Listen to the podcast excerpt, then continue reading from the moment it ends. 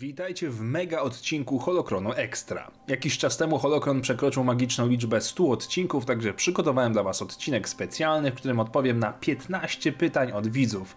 Przygotujcie się na porządną dawkę wiedzy. Zaczynajmy. Skąd Joda wiedział o zasadzie dwóch? Nie ukrywam, że to pytanie mnie zaskoczyło i musiałem nieźle nagrzebać w internecie, by znaleźć odpowiedź. A oto ona. W książce Jedi vs. Sith The Essential Guide to the Force mamy przedstawioną historię rycerza Jedi imieniem Kip Jean, którego losy poznajemy podczas jego pobytu na planecie Almas. Jedi oraz jego mistrz zaginęli w układzie planety, by zbadać tajemniczą i potężną infekcję, która zdaje się otaczać fortecę na powierzchni planety. Mowa oczywiście o ciemnej stronie mocy. Ta okazuje się być oczywiście dawnym przybytkiem Sithów. Nasz rycerz niestety zostaje zdeprawowany przez ciemną stronę i zabija swojego mistrza, by następnie zacząć kontrolować garstkę piratów i z ich pomocą starać się podbić kolejne planety w systemie Kularin. Wydarzenia te nazywane są jako konflikt Mrocznego Jedi. Po siedmiu latach na Mrocznego Jedi spadła jednak ręka sprawiedliwości ze strony innego Jedi. Kip Jean, umierając, wybełkotał coś o Sifach, że zawsze jest ich dwóch, uczeni mistrz, nie więcej, nie mniej. Nieco później zarządzający Akademią Jedi wybudowanej na Almasie mistrz Lanius Que Bertuk zastanawiał się, czy ostatnie słowa upadłego Jedi były ostrzeżeniem czy groźbą.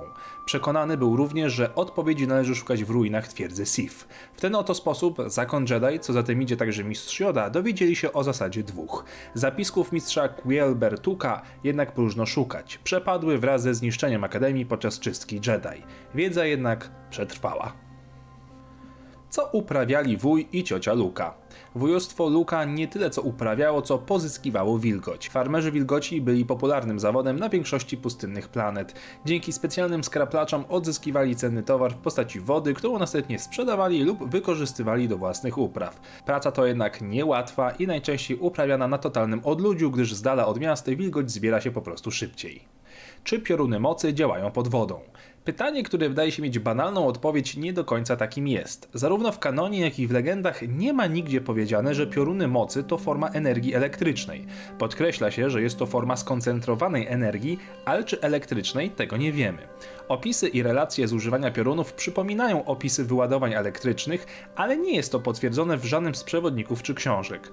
Efekt działania jednak jest praktycznie identyczny z elektrycznością, także zakładałbym, że użycie tej mocy pod wodą jest możliwe, ale byłoby to dość idiotyczne z oczywistych względów. Kim byli rodzice Obi-Wana? Niestety na temat rodziców nie wiemy nic, prócz tego, że byli ludźmi z planety Stevion. Więcej informacji brak, gdyż Obi-Wan został zabrany od rodziców już jako dziecko, a jego jedyne wspomnienia odnośnie swojej rodziny dotyczą matki, która pachniała kwiatowymi perfumami, nosiła tkaną suknię i miała miękki głos. Wspominki te pojawiają się w książce Uczeń Jedi Ukryta Przeszłość. Co stało się z synem Revana? Vaner Shan, bo tak nazywał się potomek Rewana oraz Bastili, został politykiem i to dość znaczącym. Startował m.in. na stanowisko kanclerza oraz brał udział w odbudowie po zniszczeniach podczas wojny domowej Jedi. Mimo posiadania dwóch potężnych Jedi za rodziców, nie był wrażliwy na moc, to zresztą powtórzyło się później w kolejnych pokoleniach rodziny w przypadku niejakiego Terona Shana, którego możecie kojarzyć z niektórych książek. Dlaczego Vader zdeptał szatę Obi-Wana po jego zabiciu? Szukanie butem resztek zabitego Jedi raczej nie było na porządku dziennym u byłego ucznia zabitego mistrza, zważywszy, że Vader ma na koncie setki zabitych Jedi. Nigdy wcześniej jednak żaden z nich nie rozpłynął się w powietrzu. Anakin, czy później Vader, nie znał dawnej i zapomnianej niemalże techniki jednania się z mocą, czy też stania się duchem Jedi. Było to dla niego po prostu duże zaskoczenie. Ile lat ma C-3PO? Teoretycznie mniej więcej tyle ile R2D2, czyli około 32. Jednakże legendy wskazują na dodatkowe źródło, które znacznie wydłuża wiek naszego złotego towarzysza.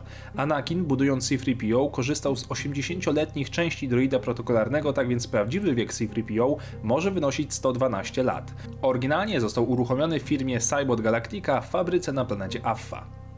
Czy rodzice dziecka wrażliwego na moc mogą odmówić oddania go do zakonu? Tak, mogą, aczkolwiek niewielu rodziców się na to decyduje z prostego względu.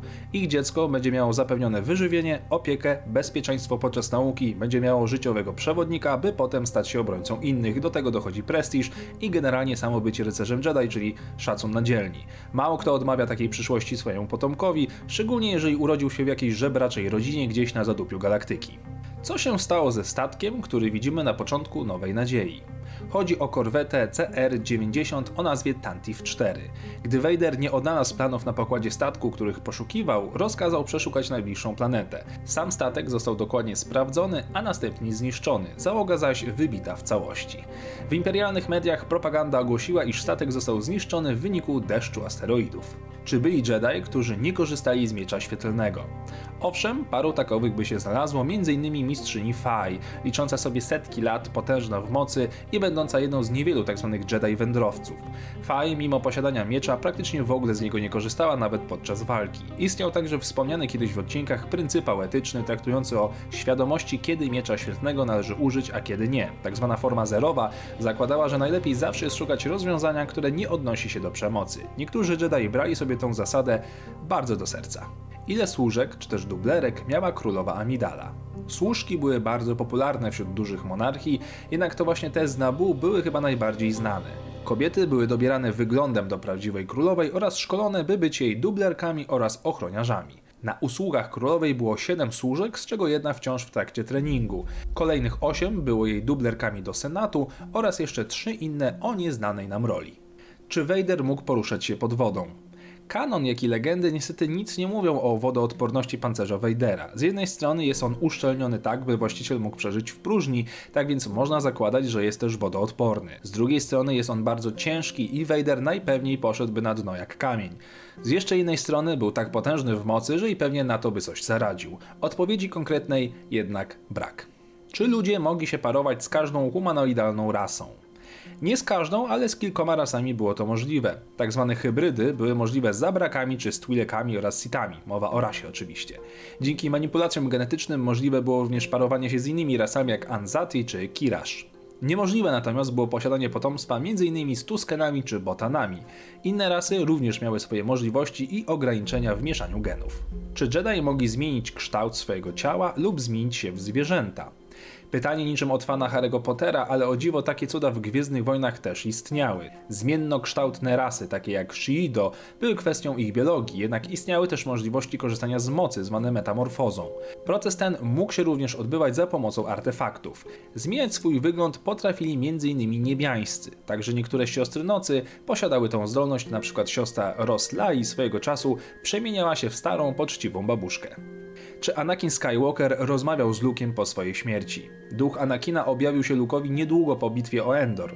Prosił Luke'a, by ten odczynił zło wykonane przez Vadera oraz zadość uczynił dawnemu pupilowi Mrocznego Lorda, niejakiemu Flintowi. Leia również ujrzała swojego ojca na Bakurze, gdzie prosił o jej wybaczenie. Córka jednak nie była gotowa, by zapomnieć jego winy. Pojawił się jeszcze później wraz z Obi-Wanem, by ostrzec Luka przed prorokiem ciemnej strony mocy, Kadanem oraz raz jeszcze 25 lat po bitwie o Jawin, tym razem objawiając się przed swoim wnukiem Jasonem Solo. Bardzo dziękuję za wszystkie pytania. To był kawał solidnej wiedzy do szukania w internecie. Ja także bardzo serdecznie dziękuję za to, że już tak długo jesteście ze mną i wciąż wspieracie serię Holokron. Dajcie znać, co byście chcieli zmienić w serii, a może jest ok, tak jak jest teraz. Łapka w górę mile widziana, ale nieobowiązkowa i oczywiście niech moc będzie z wami.